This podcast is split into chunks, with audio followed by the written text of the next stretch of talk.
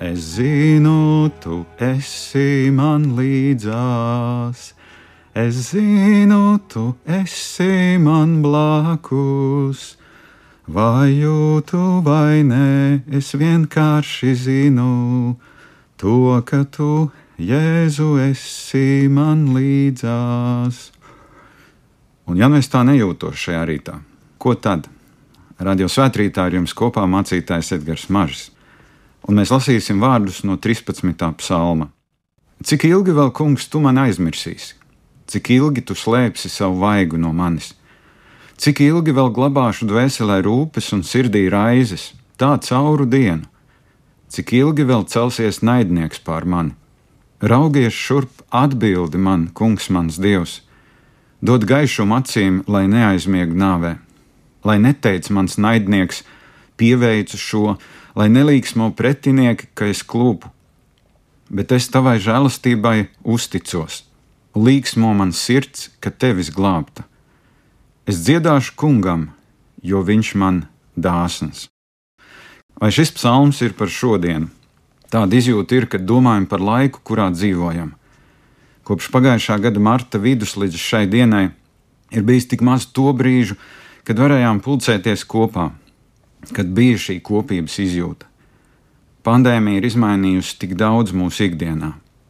Nu jau esam trešajā mājasēdē, un nevienam nav skaidrs, cik gara tā būs un cik daudz vēl mums vajadzēs sēdēt mājās un samierināties ar ierobežojumiem.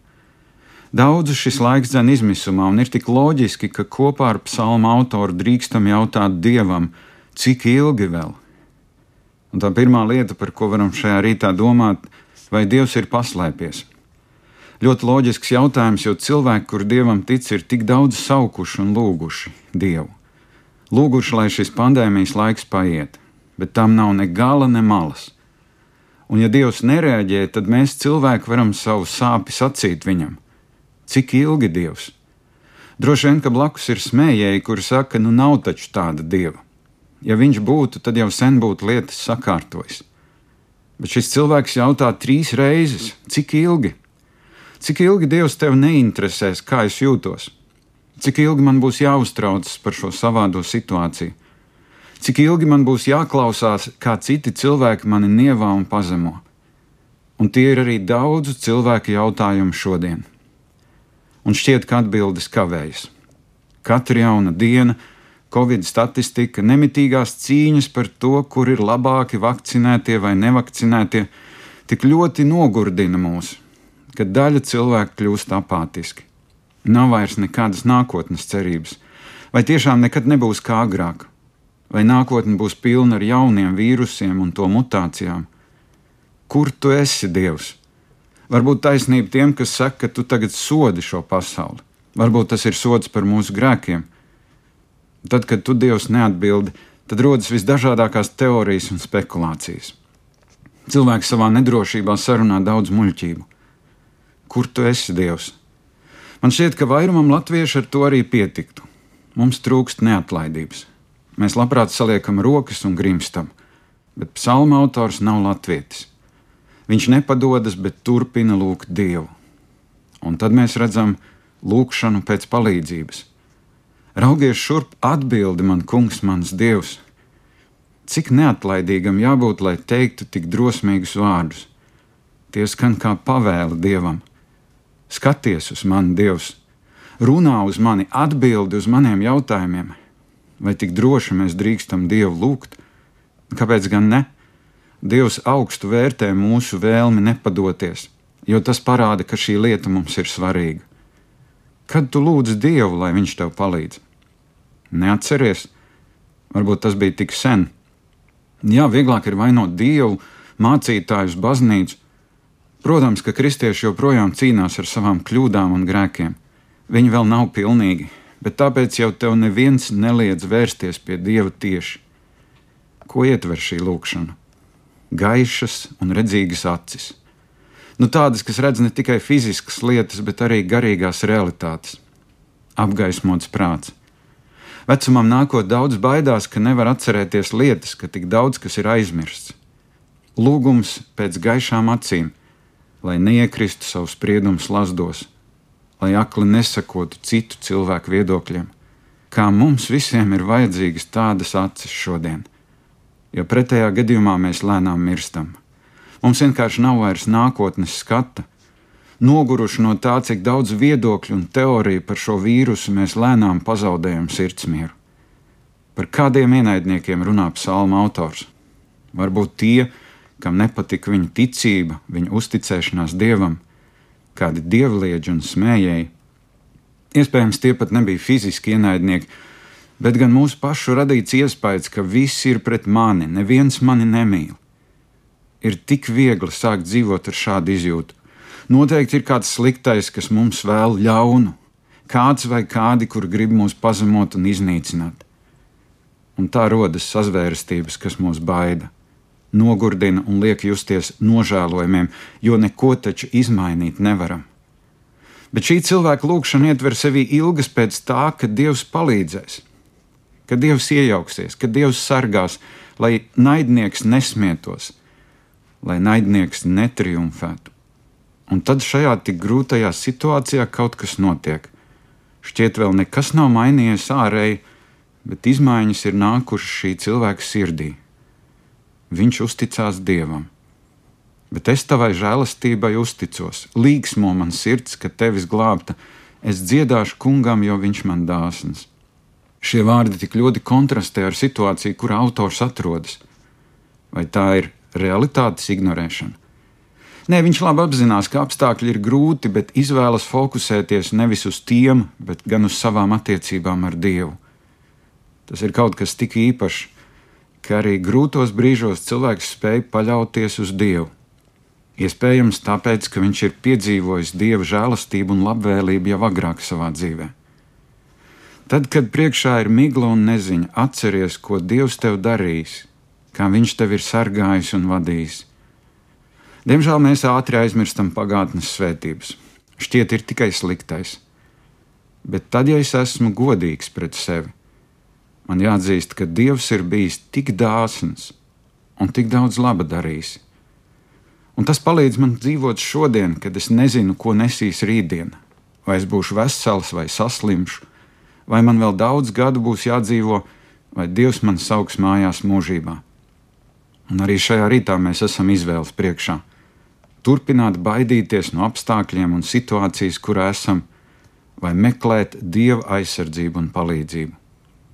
Jēzus Kristus reiz sacīja: Es jums atstāju mieru, savu mieru es jums dodu. Es dodu jums ne tā, kā pasaule dod. Jūsu sirds lai neiztrūkstas un neizbīstas. To es jums esmu teicis tādēļ, lai jūs rastu mieru manī. Pasaulē jums būs bēdas, bet turiet drošu prātu, es pasauli esmu uzvarējis un es drīkstu šajā brīdī ar saviem cik ilgi un kāpēc nākt pie viņa, nožēlot savu neticību un savus grēkus, un mācīties paļauties un uzticēties viņam, kurš zina visu, kurš redz tālāk kā es, kurš nevienmēr maina apstākļus, bet maina manu un tavu sirdi. Un tad manā sirdī dzims dziesma, pateicības dziesma, ka viņš ir blakus. Jēzu, tu esi man līdzās, Jēzu, tu esi man blakus, vai jūtu vai nē, es vienkārši zinu to, ka tu, Jēzu, esi man līdzās.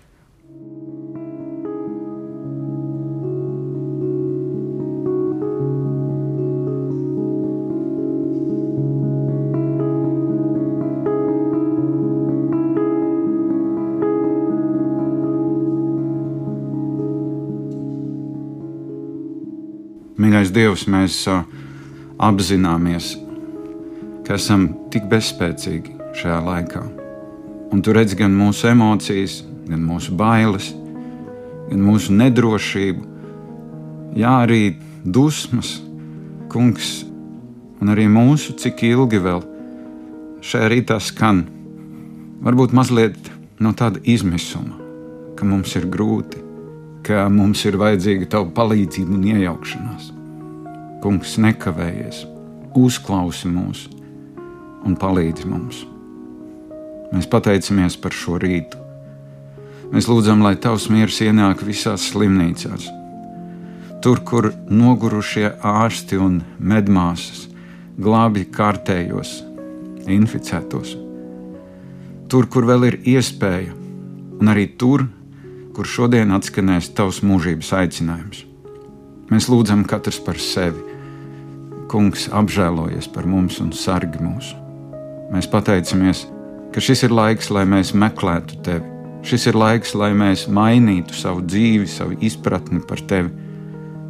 Kungs Kristu aicina cilvēkus pie sevis arī šajā svētdienā.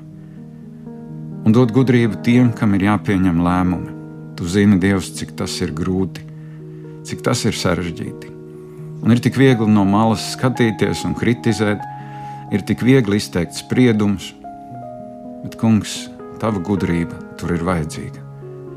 Mēs uzticam tev sevi, lūdzam, sargi mūs un svētī. Dieva tēva mīlestība, Jēzus Kristus žēlastība un svētā gara sadraudzība, lai ir un paliek ar mums visiem, tagad un vienmēr. Āmen!